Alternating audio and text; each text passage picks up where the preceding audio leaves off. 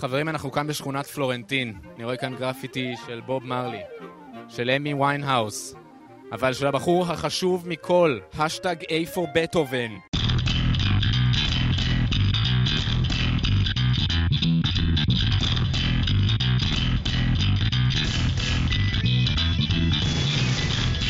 The levels would be outdated, of course, before even started. Then on the page, too sincere, clearly regret, backward, wait, naive, anachronistic. Maybe that'll be the point. Maybe that's why they need the next real level. Real level, as far as I can see, with disapproval. בוקר טוב, צהריים טובים, אחר צהריים טובים, ערב טוב, לילה טוב, ולפנות בוקר נהדר לכם.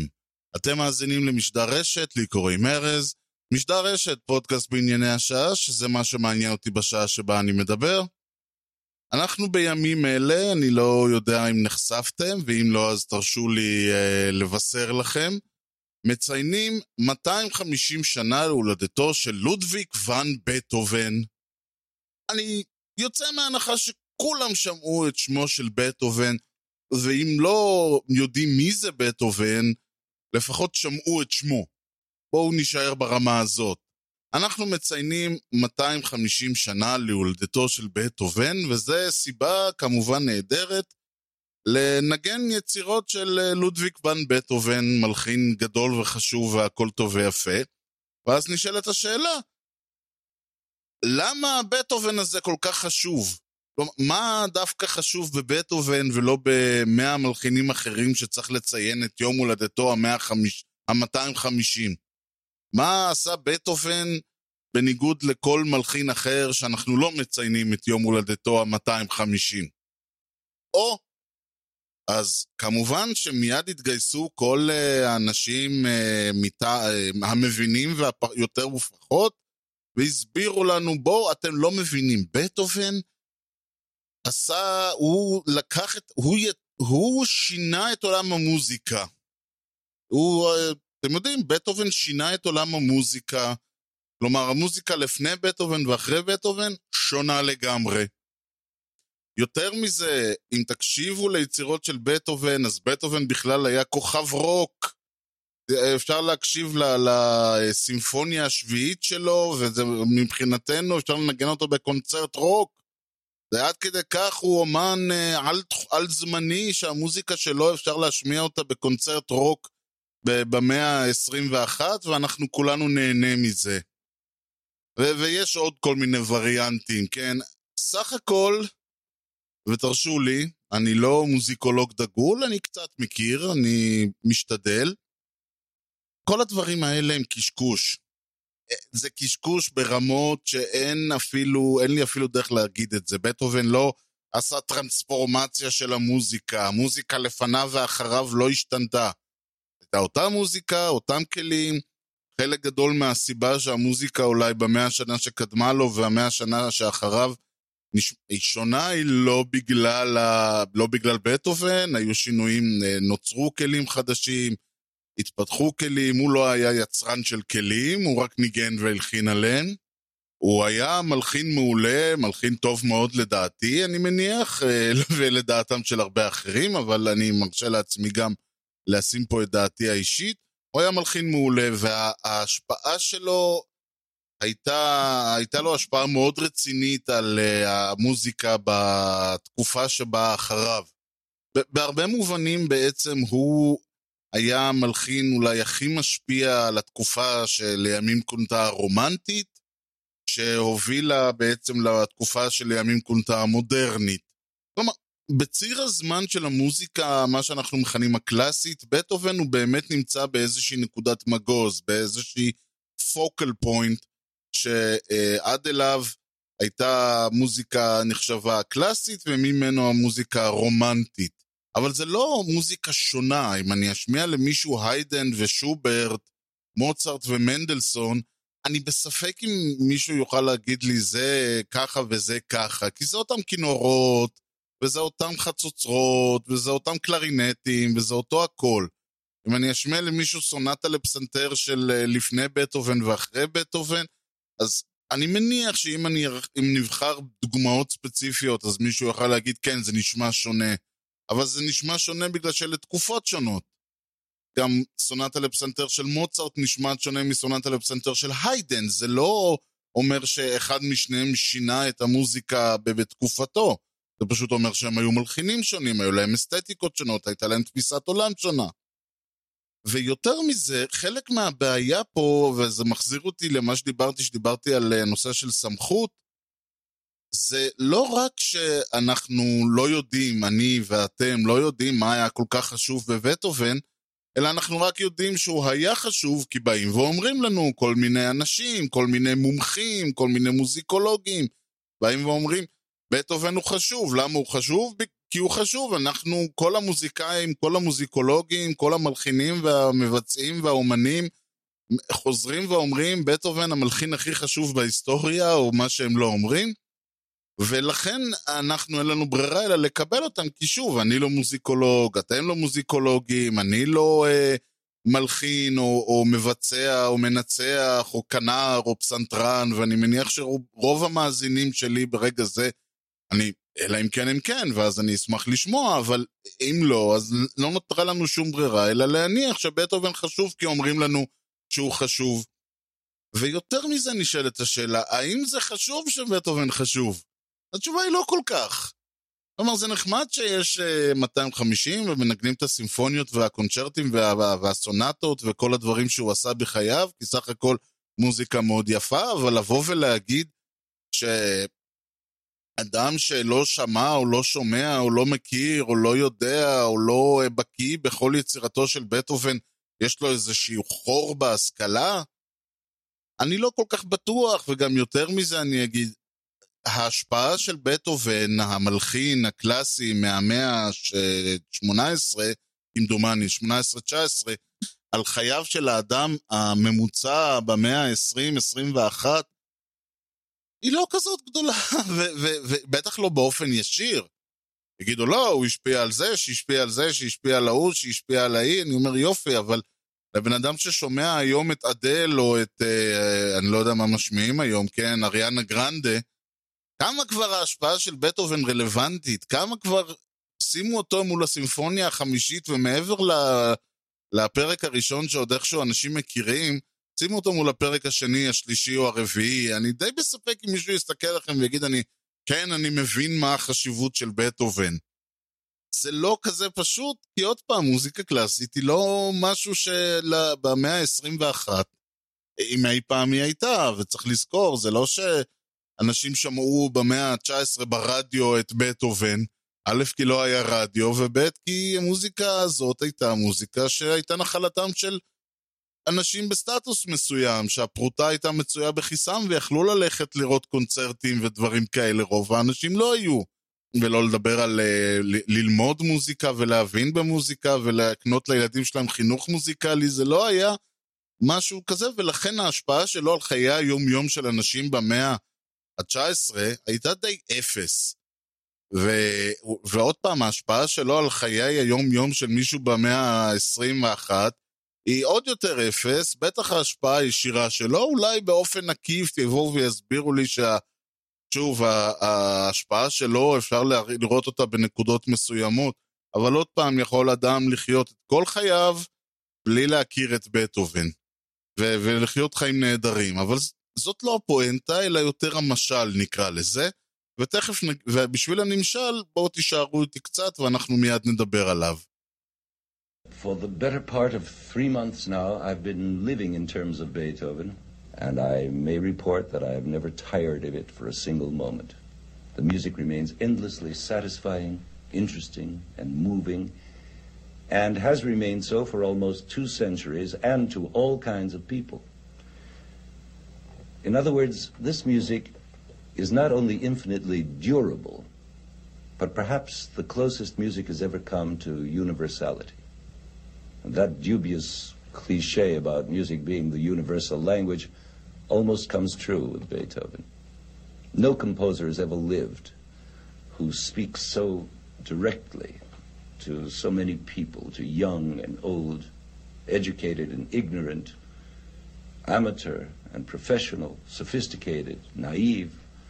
And to all these people of all classes, nationalities, and racial backgrounds, this music speaks a universality of thought, of human brotherhood, freedom, and love. אז הנמשל פה הוא אותם אנשים שמדברים איתנו על בטהובן, ושחשוב להם uh, שנבין עד כמה בטהובן הוא חשוב ומשפיע, סך הכל לא עושים את זה מרצונם uh, בגלל שאני לא יודע מה, הם אומרים, מה, אם לא יהיה לך בטהובן בחיים, יהיה לך חסר, ו- ולא יודע, תהיה אדם אומלל. אלא יש להם איזושהי אג'נדה מסוימת. אם זה מישהו שהוא מוזיקולוג שרוצה אני לא יודע, להנחיל אה, את ה... כלומר, כי אם, אם אנשים לא, לא יאהבו מוזיקה קלאסית, לא תהיה לו עבודה. או אם זה מישהו שחושב שבטהובן הוא מאוד מאוד חשוב, ולכן כדאי שכולנו נקשיב לו. ברגע שאנחנו באים ו... ויש לנו איזושהי אג'נדה מאחורי ההסבר, כי לי אין אג'נדה, מבחינתי תקשיבו לבטהובן או לא תקשיבו, זה עניינכם הפרטי, לא אכפת לי באמת מה, מה תעשו עם זה. אבל נניח והייתה לי אג'נדה כן לדחוף את בטהובן, שוב, אם זה מקצועי, ואני חושב שמוזיקה קלאסית סלאש בטהובן זה הדבר הכי חשוב, ומי שלא מכיר את זה, אז יש לו חור בהשכלה ש... ש... וחייב להכיר את בטהובן, אז אני לא הייתי אומר, כן, בטהובן אומן אה, כנראה חשוב, או, או כנראה משפיע, אלא אני הייתי בא ובכוח אומר, אתם לא מבינים, מדובר באומן החשוב ביותר, במלחין הגדול ביותר. אני לא חושב שבטהובן הוא המלחין הגדול ביותר, אני לא יודע אפילו מה זה אומר הגדול ביותר.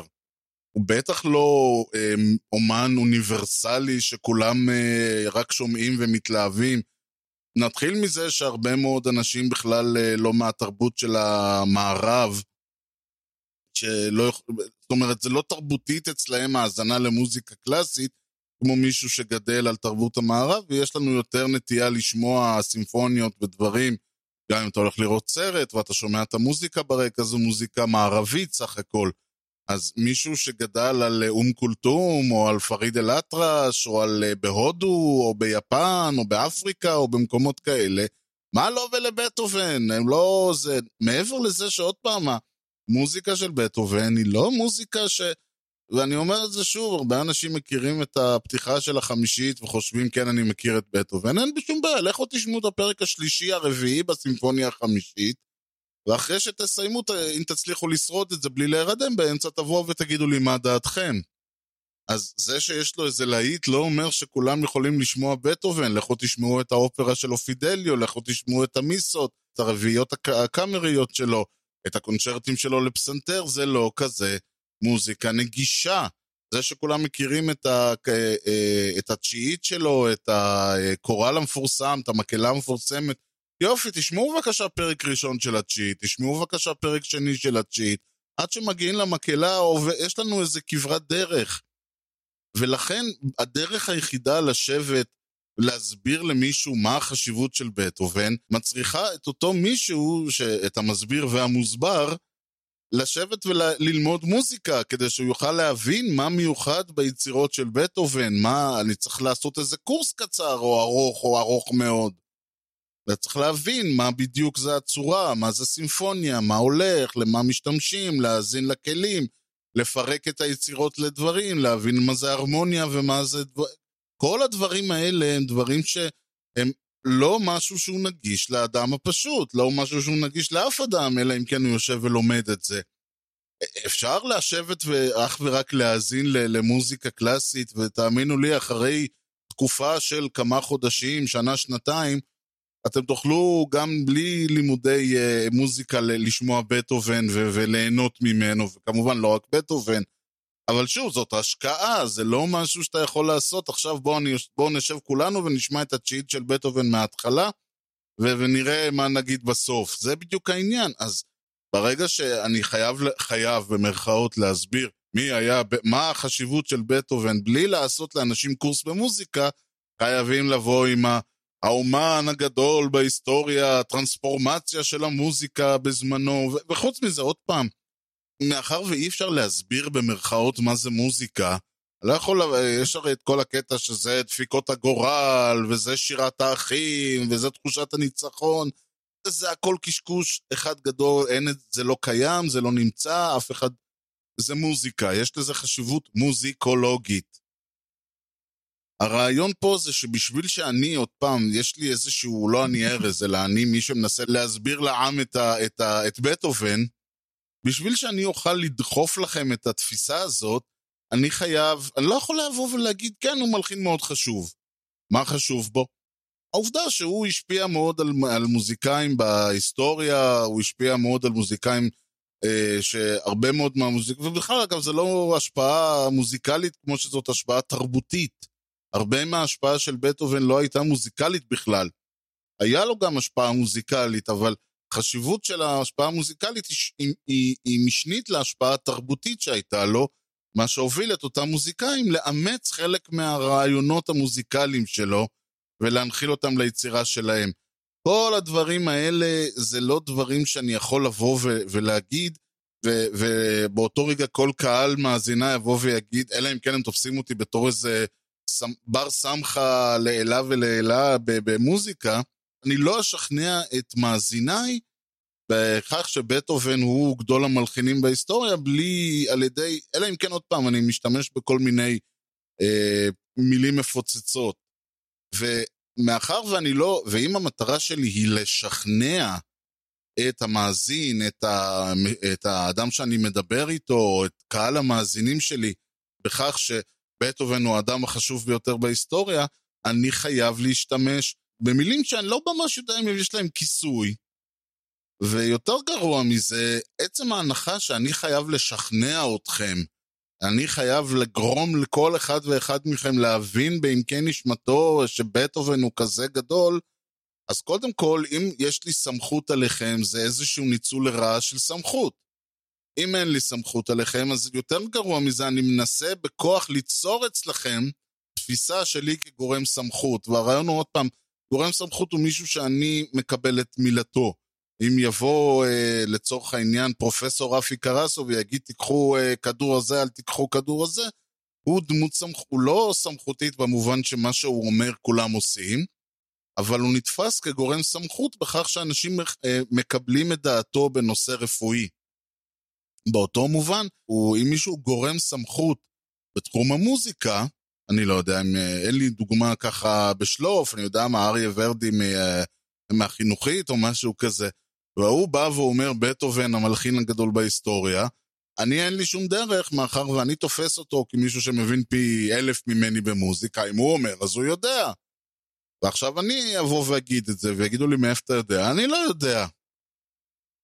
עכשיו עוד פעם, כשאנחנו מדברים על בטהובן, אז כמו שאמרתי זה זניח, אין לזה שום משמעות אם אני כן אחשוב שהוא המלחין הגדול בהיסטוריה, או אני לא אחשוב שהוא המלחין הגדול בהיסטוריה או בכלל.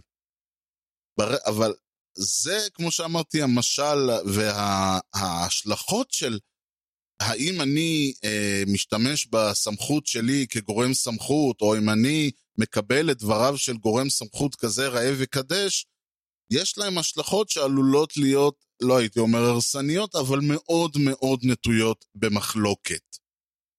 עכשיו חוזרים לקורונה ובהרחבה, אנחנו אומרים שלום וערב טוב למנכ"ל בית החולים הדסה, פרופסור זאב רוטשטיין. מדוע אתה שם את מבטחך בחיסון הרוסי? אנחנו יודעים על פייזר, על מודרנה, ואתה שם את מבטחך בחיסון הרוסי דווקא, מדוע? אתה הזכרת את מודרנה ואת פייזר, הן עובדות בשיטה מאוד חדשה שנקראת mRNA. זה לייצר, לסנטז messenger RNA, אותה המולקולה שיודעת לייצר חלבונים, והגוף מתגונן דרכה. החיסון הרוסי והחיסון הישראלי, דרך אגב, שניהם מבוססות על וקטור שהוא וירוס. שיטות יותר ישנות או מסורתיות. כמה אבל הדסה הייתה, כמה הדסה הייתה שותפה ל... לפיתוח, לקידומו של החיסון הרוסי?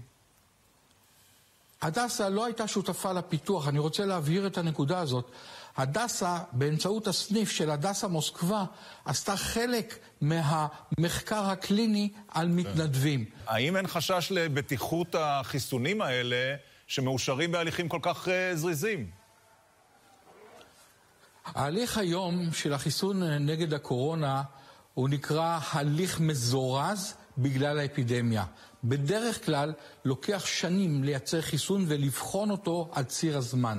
לכן, באמת, יש בעיה עם כל החיסונים שיאושרו תוך הליך קצר ומזורז, ואני מאוד מקווה שלא החברות ולא החיסון הרוסי יעגלו פינות או יקצרו תהליכים, ונוכל ללמוד עד כמה שיותר לגבי הבטיחות על ציר הזמן ולגבי היעילות על ציר הזמן. יש לי כמה שאלות לגבי היעילות. מתי אחרי הזרקה מתחילים לייצר את הנוגדנים ומגיעים באמת לחיסוניות? כן. אל תשכחו שזה יכול להיות גם חודש, אולי אפילו קצת יותר, ומתי הנוגדנים האלה מתחילים לרדת בדם, ואז האנשים שוב חשופים לזיהום בקורונה. אז כן, יש חיסון, כך אומרים לנו, נגד, uh, קור... נגד uh, הקורונה, נגד הקורונה וירוס והקוביד 19. יש חיסון.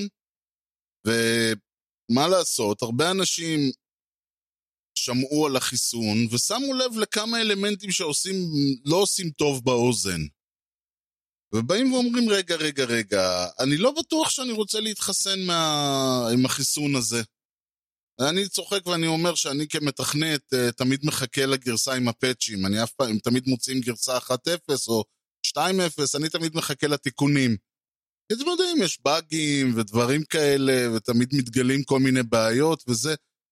אבל, ואז אנשים, ופה ממש יש אנשים שיש להם אינטרס, או אינטרס אישי שהם רוצים שכולם יתחסנו ונצא מהבלגן, או אינטרס אידיאולוגי או, או תפיסתי שמבחינתם זה, זה איזשהו, אה, שוב המדע אמר את דברו, או אינטרס כלכלי, או איזשהו אינטרס, ולפעמים אינטרס שהם שמעו והחליטו שזה בסדר, ואז באים ואומרים, רגע, רגע, רגע, אתה, אתה מתנגד לחיסונים, אדון ארז, שאתה אומר שאתה לא תקפוץ על החיסון הזה?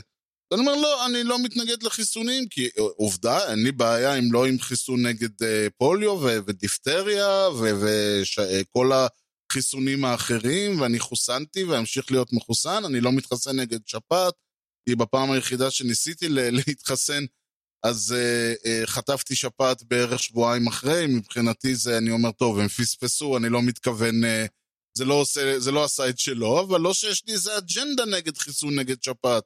מי שרוצה שיתחסן, לי זה, אני פשוט לא חושב שזה כזה היסטרי מבחינתי. אולי אם הייתי בקבוצת סיכון, הייתי חושב אחרת. בגדול באים ואומרים לך, אבל רגע, אז אם אתה לא נגד חיסונים רגילים, חיסונים נגד uh, חצבת ושחפת וכל הדברים האלה, מה פתאום אתה, וטטנוס וכל זה, מה פתאום אתה נגד, אתה נגד, כן?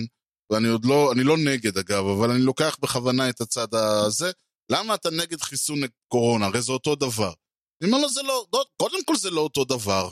וזה בדיוק העניין הראשון, ברגע שמתעקשים, ל, ל, ברגע שמנסים לשכנע אותך לקבל איזושהי אג'נדה, לקבל איזושהי תפיסת עולם, אז עושים הכללות, וזה הדבר הראשון, הכללה, והכללה שאומרת, זה אותו דבר. אז לא, זה לא אותו דבר. כל החיסונים שאנחנו עובדים איתם היום, בנויים על הרעיון הזה שנגיף מוחלש או מת לחלוטין, מוזרק לגוף, הנגיף המוחלש לא מהווה סכנה על הגוף, אבל הגוף מזהה את הנגיף ומפתח נוגדנים. מאחר והווירוס המוחלש לא מסכן את הגוף, אז לא, הגוף לא נהיה חולה, הוא לא, נהיה, הוא לא מותקף, והוא מצליח על ידי uh, כך בעצם לפתח את הנוגדנים בס, ב, באופן שהוא יחסית בטוח לגוף. ברגע שהגוף נדבק במחלה האמיתית, כבר יש את הנוגדנים בגוף שיוצרו בסבבה שלנו, והופה, אנחנו מצליחים להתמודד עם המחלה והכל טוב ויפה.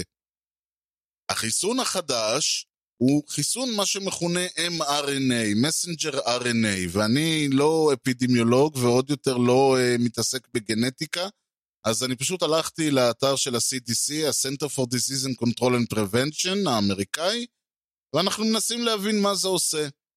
אז זה נקרא messenger RNA. ה messenger RNA נותן, ואני מתרגם פה on the fly, יהיה לינק באתר למי שלא בטוח מה, מהתרגום שלי. אבל הנה ההסבר. הוא, ה messenger RNA הזה, מה, ש, מה ש-RNA עושה, הוא נותן אה, איזשה, זה, הוא מכיל בתוכו איזושהי הנחיה לגוף לייצר פרוטאינים מסוימים. ככה זה עובד. ה-mRNA נותן הנחיות לתאים שלנו לייצר איזשהו אה, protein, מה שמכונה spike protein, שזה מה שמאפשר לקורונה, מה שאתם מכירים את ה image של הקורונה, זה נראה כמו כדור עם שפיצים כאלה, שזה לה, הכתר שממנו באה המילה קורונה, אז זה הפרוטאין שהקורונה משתמש בו כדי להיתפס בתאים. זה לא פרוטאין שמסכן, ככה הם אומרים, אבל הוא מאפשר, זה מה שמאפשר לקורונה וזה מה שמזהה אותו. ברגע שהפרוטאין הזה מיוצר בדם, התאים מייצרים את אותו חתיכת פרוטאין שלא מסכן, וברגע שהפרוטאין מיוצר, התאים זהו, אומרים, מפסיקים, לת... מפסיקים לייצר אותו. עכשיו, באותו תא שמופיע לו הפרוטאין הזה, השפיצים האלה, כן, הספייקס האלה, הכתר הזה ש, שזיכה את הקורונה בשמו, המערכת החיסונית שלנו מזהה שיש פה פרוטאין שלא שייך, ומתחילה ליצור איזושהי אה, תגובה אה, חיסונית ולייצר נוגדנים נגד הפרוטאין הספציפי הזה. נג... ובסופו של דבר, הגוף מייצר את הנוגדנים הרלוונטיים. כלומר, על פי ה-CDC, אותו דבר שקורה בחיסון שבו מוזרק לגוף נגיף מוחלש או מומת, קורה בעניין הזה, הגוף מזהה את הפולש, מייצר את הנוגדנים בסביבה בטוחה, בסיטואציה שבה הגוף לא באמת מותקף, והוא לא חולה, והוא לא תחת סכנה, ואנחנו לא נלחמים על חיינו, כן? והתוצאה היא שלכשנדבק בקורונה, יהיה לנו את הנוגדנים, והנוגדנים האלה בעצם יתקפו את הקורונה, שעכשיו אה, אה, נמצאים בגוף בסבבה שלנו. הכל טוב ויפה, זה התיאוריה. יש בעיה אחת עם העניין הזה. זה לא נוסה בשום צורה אה, כמו חיסונים רגילים. עכשיו, לבוא ולהגיד חיסונים רגילים אה, זה משהו, זאת לא טכנולוגיה חדשה, אולי זו הייתה טכנולוגיה חדשה לפני מאה שנה, עם אה, לואי פסטר ו- וכל החבר'ה האלה, אבל זאת לא טכנולוגיה חדשה היום. זו טכנולוגיה שגם אה, החיסון נגד פוליו הוא טכנולוגיה, ב- הוא בת יותר מ-50, 60, 70 שנה, אני כבר לא זוכר. כל החיסונים כל החיסונים שאנחנו משתמשים בהם זה דברים שפותחו לפחות לפני 60-70 אה, שנה, לפעמים יותר, לפעמים 100 ו-100 ויותר מ-100 שנה, והשתמשו בהם, ואנחנו חיים איתם ו- ומתפקדים איתם, והכל טוב ויפה. החיסון הזה, לא, החיסון החדש, לא רק שהוא חדש, אלא הוא גם מבוסס על טכנולוגיה שלא ממש נוסתה. עכשיו, אומרים לי, לא, לא, לא, לא, לא, החיסון נוסה, היו ניסיונו, היו, אה, אה, כתוב פה שחוקרים עובדים עם חיסוני mRNA כבר עשורים. אני אומר, יופי, אבל חיסנתם אנשים בסדר גודל, לא יודע, זה קצת כמו ה...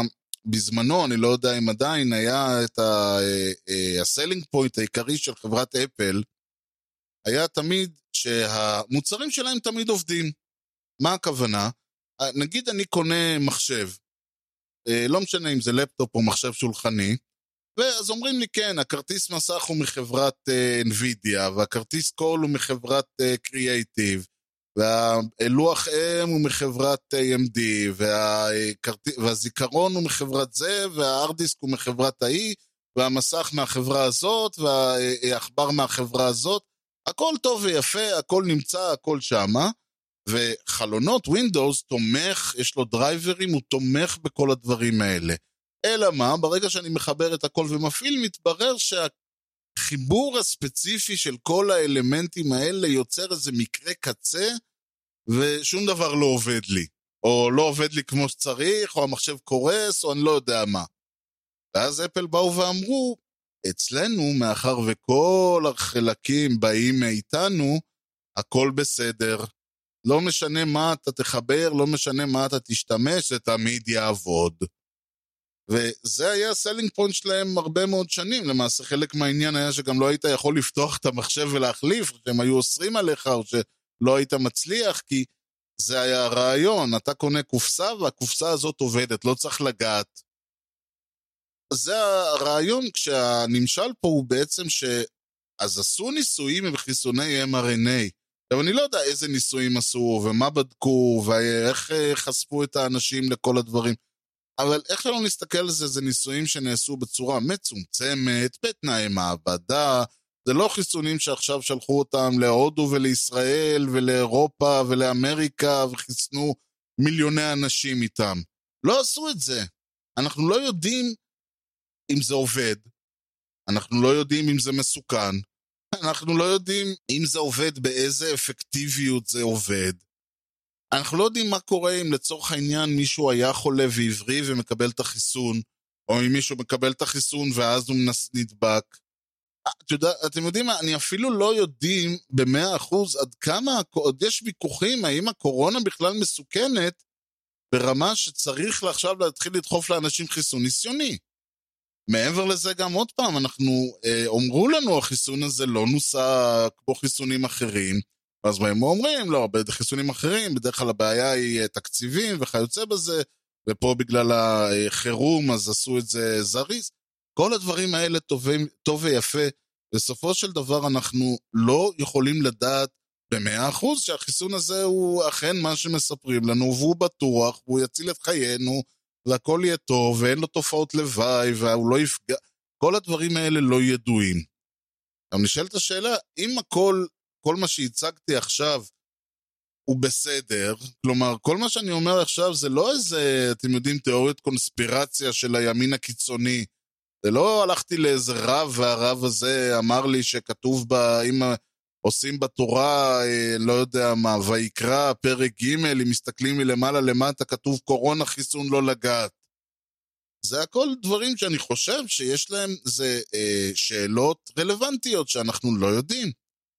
אנחנו לא יודעים אגב הרבה דברים, אנחנו, זה, זה, זה שאני יודע שהחיסון נגד אה, פוליו, נגד שחפת עובד, זה לא כי אני אה, אה, אפידמיולוג או ביולוג או כימאי או מה שזה לא יהיה, אלא פשוט אני יודע שהוא עובד, יש לנו הוכחות בשטח. אז אני לא בא ואומר, אני לא יודע, החיסון הזה לא יעבוד. אני אומר שעוד לא ראינו את ההצלחה שלו, או את החוסר סיכון שלו בעינינו בשביל לדעת, ולכן הספק הוא ספק בריא לדעתי. אלא שפה באים האנשים, אותם אנשים בעלי עניין בסיפור, ובאים ואומרים לא, לא, לא, לא, לא. אתם, אלה שמעלים את אותו ספק שאתה, ארז, הגדרת כספק בריא, אתם הבעיה. החיסונים בדרך, אנגליה כבר מתחסנת, אמריקה בדרך, בקרוב הכל ייגמר. אבל לא כולם חוגגים את תחילת ניצחונה של הרפואה המודרנית על נגיף קורונה. הנתונים מבהילים, רבים, רבים מדי לא מעוניינים בחיסון ולא מתכוונים להתחסן כשיוצע להם. ולא מדובר רק בחסרי השכלה, בבורים מרצון או במאמינים בתיאוריות קונספירציה, אפילו בקרב עובדי צוותי הרפואה יש ספקות. A recent poll by the American Nurses Foundation says that a third of nurses say they'll get the vaccine, a third say no, the rest are unsure. אמנם החשש מפני הזריקה המושיעה מתמקד בחדשנות של החיסון מקורונה, אבל הוא לא נולד היום. goes back, you know, 300 years to the very start of vaccines. There's never been a, a vaccination campaign that didn't have anti-vax, anti-vaxxers attacking it. on the right, there's sort of an increasing group of people who, um, you know, don't believe in science because science has been under attack in this country uh, directly by the administration, really. אז ברגע שאתה, אני או כל אדם אחר אומרים, תשמע, אני לא יודע, נשמע לי, אני, אני רוצה לקבל את דעתם של המומחים לצורך העניין, אבל מצד שני אני לא יודע עד כמה דעתם של אותם מומחים רלוונטית ל- ל- לעניין, כי חלק מאותם מומחים זה אנשים שהולכים לעשות מיליארדים מהחיסון הזה. אז באים ואומרים, לא, אתה אנטי סייאנס, אתה אנטי וקסיניישן, מתנגד חיסון, זה מונח ישראלי. אתה, אה, לא יודע מה, תיאוריות, אה, חובב של תיאוריות קונספירציה, כן, אה, אתה, לא יודע מה, ימין פנאטי, כל מיני דברים. ואני דיברתי על זה לא מעט פעמים. דבר ראשון, אין דבר כזה אנטי סייאנס. אתה לא יכול להיות מכחיש המדע או משהו כזה. כמו שאתה לא יכול להיות, אגב, כמו שאומרים, אתה לא מאמין במדע? לא, אני לא מאמין במדע. כל הרעיון הוא שמדע שולל את התפיסה של אמונה, אני דיברתי על זה חזור ודבר. ולכן אני לא אכנס לזה יותר מדי, אבל הרעיון הוא עוד פעם, מדע שולל את... הרעיון במדע זה שיש ניסוי, הניסוי מצליח, יופי, התיאוריה עומדת. הניסוי נכשל, התיאוריה נופלת. לא צריך אמונה, לא צריך להאמין, לא צריך קונסנזוס, לא צריך הסכמה. יש עובדות, כן עובד, לא עובד. אותו דבר, אה, אתה יכול להיות, לצורך העניין, פרו-חיסונים, כן? לא מתנגד לחיסונים. אני לא מתנגד לחיסונים, אני חוסנתי בחיי חזור וחסון נגד אבעבועות שחורות, ונגד פוליו, ונגד אה, דיפטריה, ונגד טטנוס, וחיסונים משולשים ומרובעים, ואני, אין לי בעיה להמשיך ולהתחסן, אני אמרתי עוד פעם, אני... כל דבר שהוא, אה, אני מאמין גדול ברפואה, כן? כל המילים היפות האלה. אבל לבוא ולהגיד שאם אתה סקפטי לגבי החיסון בקורונה, אז אתה אנטי-וקסר, זה לא נכון. זה, זה בדיוק העניין, באים ואומרים, החיס... ברגע שבא מישהו ואומר, החיסון לקורונה הוא ח... אותו דבר כמו החיסון אה, נגד אה, אה, פוליו או נגד אה, אבעבועות שחורות, זה שקר וכזב. זה בערך כמו שיגידו לי, שיבואו ויגידו, אה, באו למישהו ואומרים לו, אתה נוסע ברכב, יש לך אוטו? הוא אומר, כן, יופי, אז בוא תעלה בבקשה על המטוס. הוא אומר, לא, לא, אני לא בטוח, יש לי פחד טיסה. איך יכול להיות לך פחד טיסה, אדוני? הרי מטוס הוא כלי רכב. כן, אוקיי, הוא כלי רכב, אבל הוא לא... אבל הוא טס באוויר, אתם יודעים, הוא לא... אבל זה אותו דבר, הנה גלגלים, הנה אתה יושב בכיסא, אתה יודע, יש לו עגל לטייס, זה אותו דבר כמו שתיסע במונית, יש לה כיסא, גלגלים, רכב. אתה אומר, כן, אבל זה לא בדיוק אותו דבר, זה טס באוויר וזה נוסע על ה... זה, זה דברים שונים לחלוטין. אתם יודעים, רכב, כל אדם יכול לעשות רישיון, טיסה, לא כל אחד יכול uh, להטיס מטוס. אז אותו רעיון שמנסים בכוח לדחוף את העניין כאילו שאין הבדל. ואני אומר, אגב, אם היו אומרים, כן, יש הבדל, וזה ההבדל, ולהדגיש אבל שתגובת הגוף לצורך העניין היא זהה, וכל מיני דברים כאלה.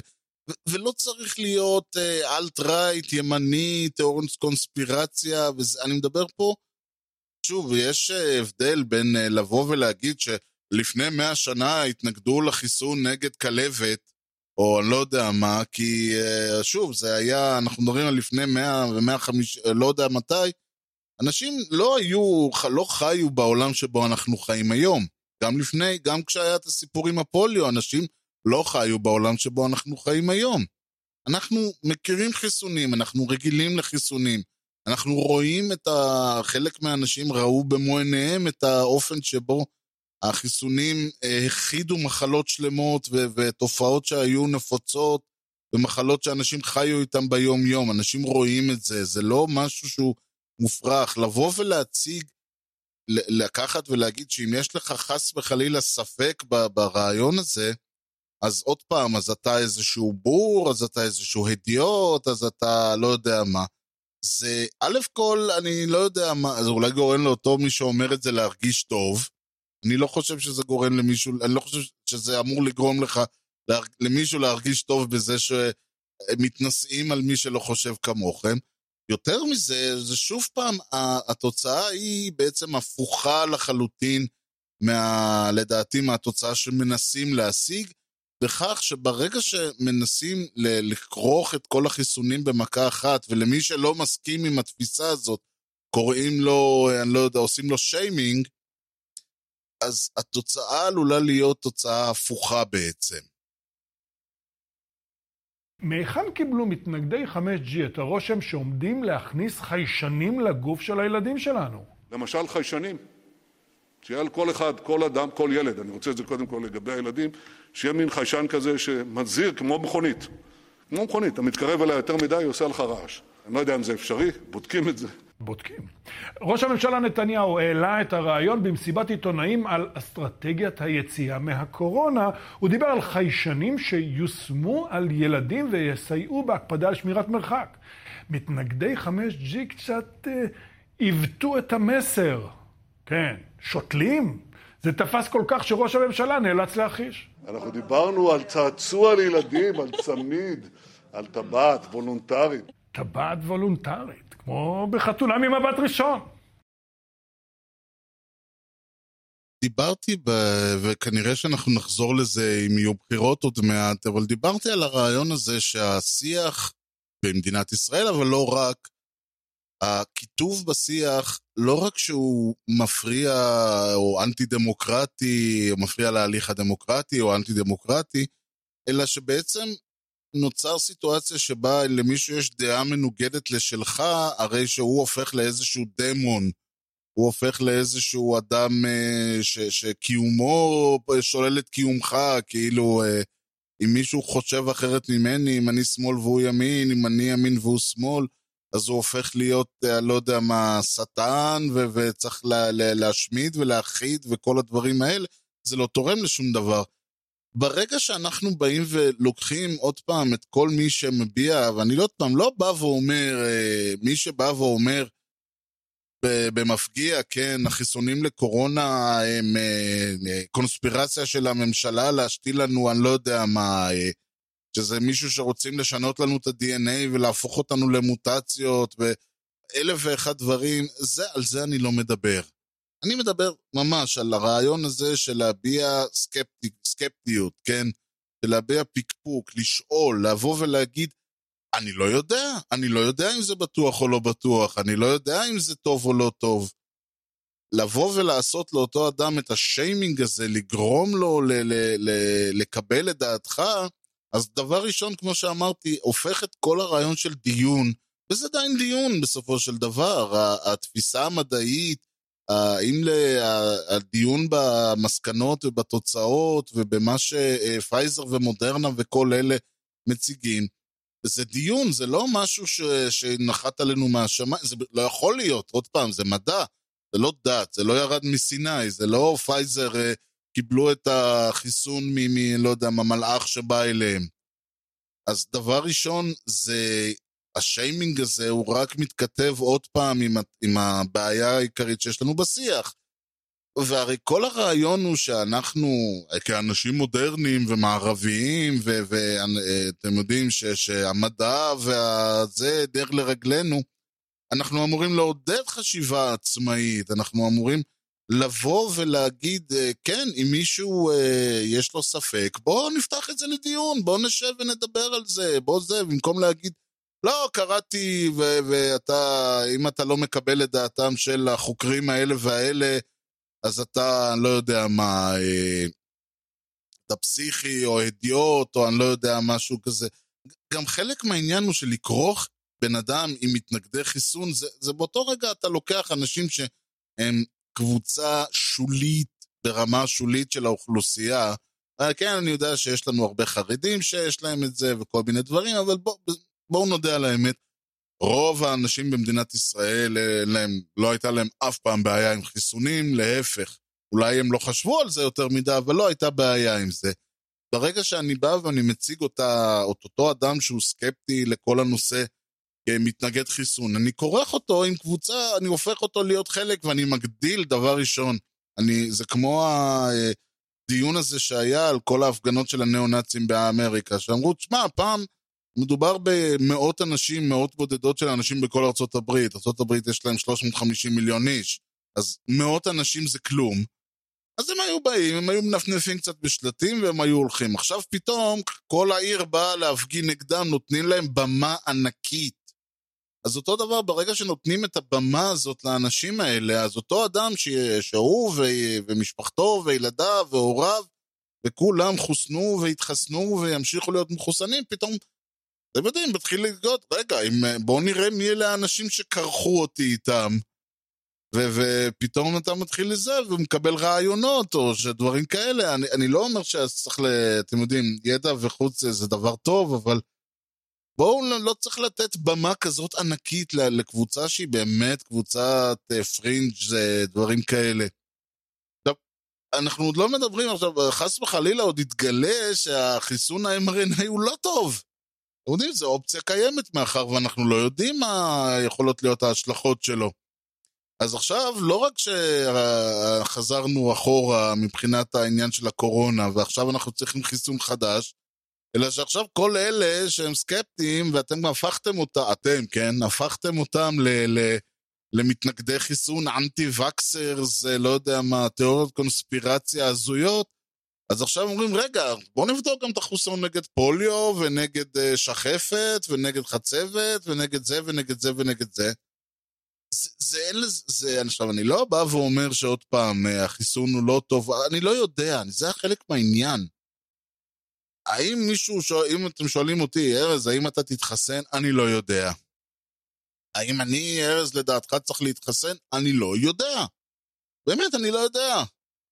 הדבר היחיד שאני יודע הוא שהגישה הזאת שהופכת את כל מי שאומר, אני לא יודע, אני לא בטוח, אני רוצה עוד אינפורמציה, אני רוצה לראות מה קורה, תן, בואו, התחילו לחסן, אני רוצה, בואו ניקח חודש, בואו ניקח חודשיים, בואו ניקח איזה תקופה, הרי לא יקרה שום דבר מיוחד, כן, אנחנו עדיין בסגר, ואני עדיין עם המסכה וכל הדברים האלה, ו- ואני, יכול להיות שאם מישהו, אה, חי, אה, אני לא אומר עוד פעם, אם מישהו פת לחמו אה, בסכנה וזה, אז ש...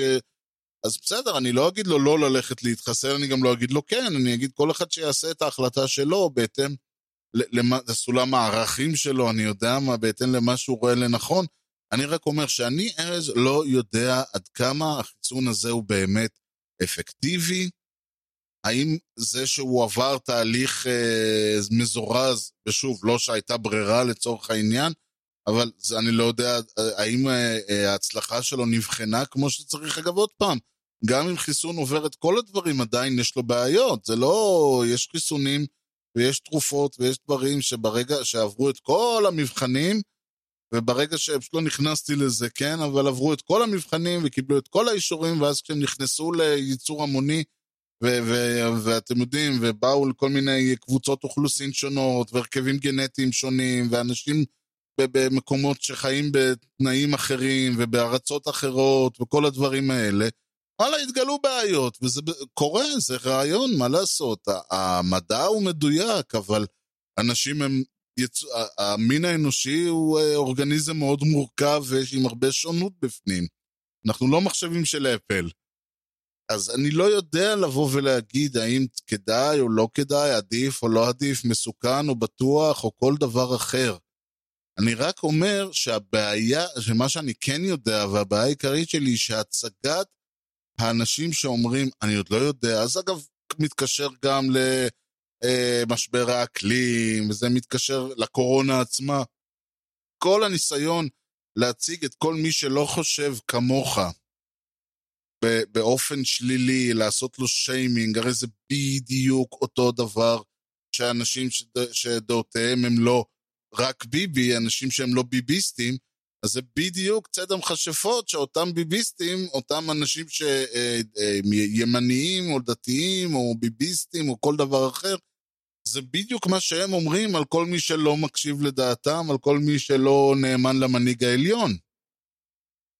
רק שפה זה מגיע כביכול מהמחנה השפוי, מהמחנה המשכיל, מהלא יודע מה. וזה העניין, ברגע שהדברים האלה מוצגים, זה לא משנה אם הנושא הוא כן ביבי או לא ביבי, או נתניהו מושחת או נתניהו לא מושחת, או צריך, אה, לא יודע מה, אה, לספח את ההתנחלויות או לא צריך לספח, או צריך אה, כן אקטיביזם שיפוטי או לא אקטיביזם שיפוטי, כן משבר האקלים, לא משבר האקלים, קורונה היא מגפה מסוכנת, או קורונה היא שפעת עם יחסי ציבור טובים, או החיסון הוא חיסון טוב, או החיסון הוא חיסון רע.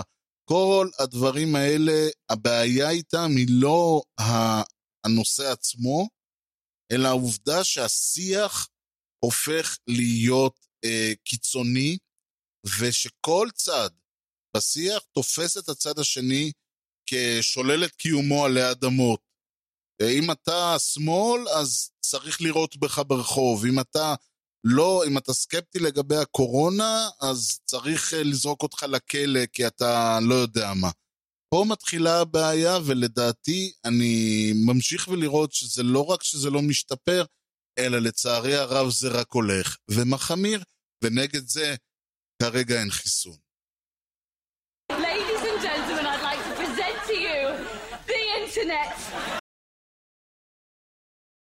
ועד כאן משדרנו להפעם, אני רוצה להודות לכם על שהאזנתם. אה, ככה בענייני הקורונה השתדלתי לא להיכנס יותר מדי, אבל הרעיון פה הוא...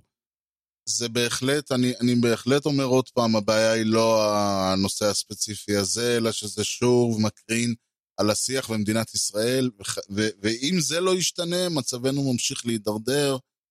בכל דרך. אולי משבר הקורונה יחלוף, המשבר הבא כבר בדרך.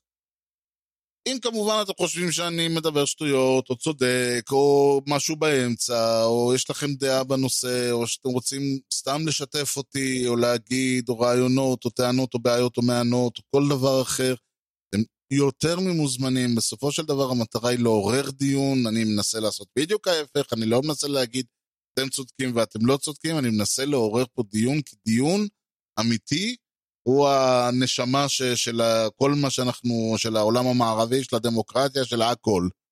אז אתם יותר מוזמנים ליצור איתי קשר, דבר ראשון אפשר באימייל, האימייל הוא ארז שטרודל משדר רשת.co.il, ארז E-R-E-Z, משדר רשת co.il, כותבים כמו ששומעים. משדר רשת co.il זה גם האתר, אפשר למצוא שם את כל משדרי העבר, כל משדר עתידי שיעלה כמובן נמצא שם. אה, כל ההראות וההרחבות והלינקים וכל דבר שאני אומר יהיה לינק באתר, שם זה נמצא. אה, אפשר פשוט ללחוץ על הכפתור של הערות או הרחבות, או אם זה משדר ישן יותר, אז פשוט על, על הכותרת של המשדר, וזה מוביל אתכם לדף עם כל ההערות. אה, אפשר כמובן להאזין למשדר רשת דרך האתר, או להוריד משם את הפרק, איזה פרק שאתם רוצים, למחשב או לטלפון. או אפשר למצוא שם את הקישורים ל-RSS, ל Apple Podcast, Stitcher, RadioPublic, ספוטיפיי ולערוץ היוטיוב של משדר רשת. אה, אפשר כמובן לחפש את משדר רשת בכל האפליקציות, זה נמצא כמעט בכל אפליקציה קיימת, אם לא אז אתם פשוט תגידו לי ואני אדאג שזה יהיה שם. אה, אפשר להמשיך את הדיון גם בטוויטר, twitter.com/ארז, וגם בפייסבוק, facebook.com/משדר רשת. וכמדומני שכיסיתי את כל האפשרויות, אז בהחלט ניפרד להפעם. אני שוב רוצה להודות לכם על שהאזנתם למשדר רשת, נתראה במשדר רשת הבא, ועד אז אני הייתי ארז, שיהיה לכם המשך יום נהדר, ולהתראות.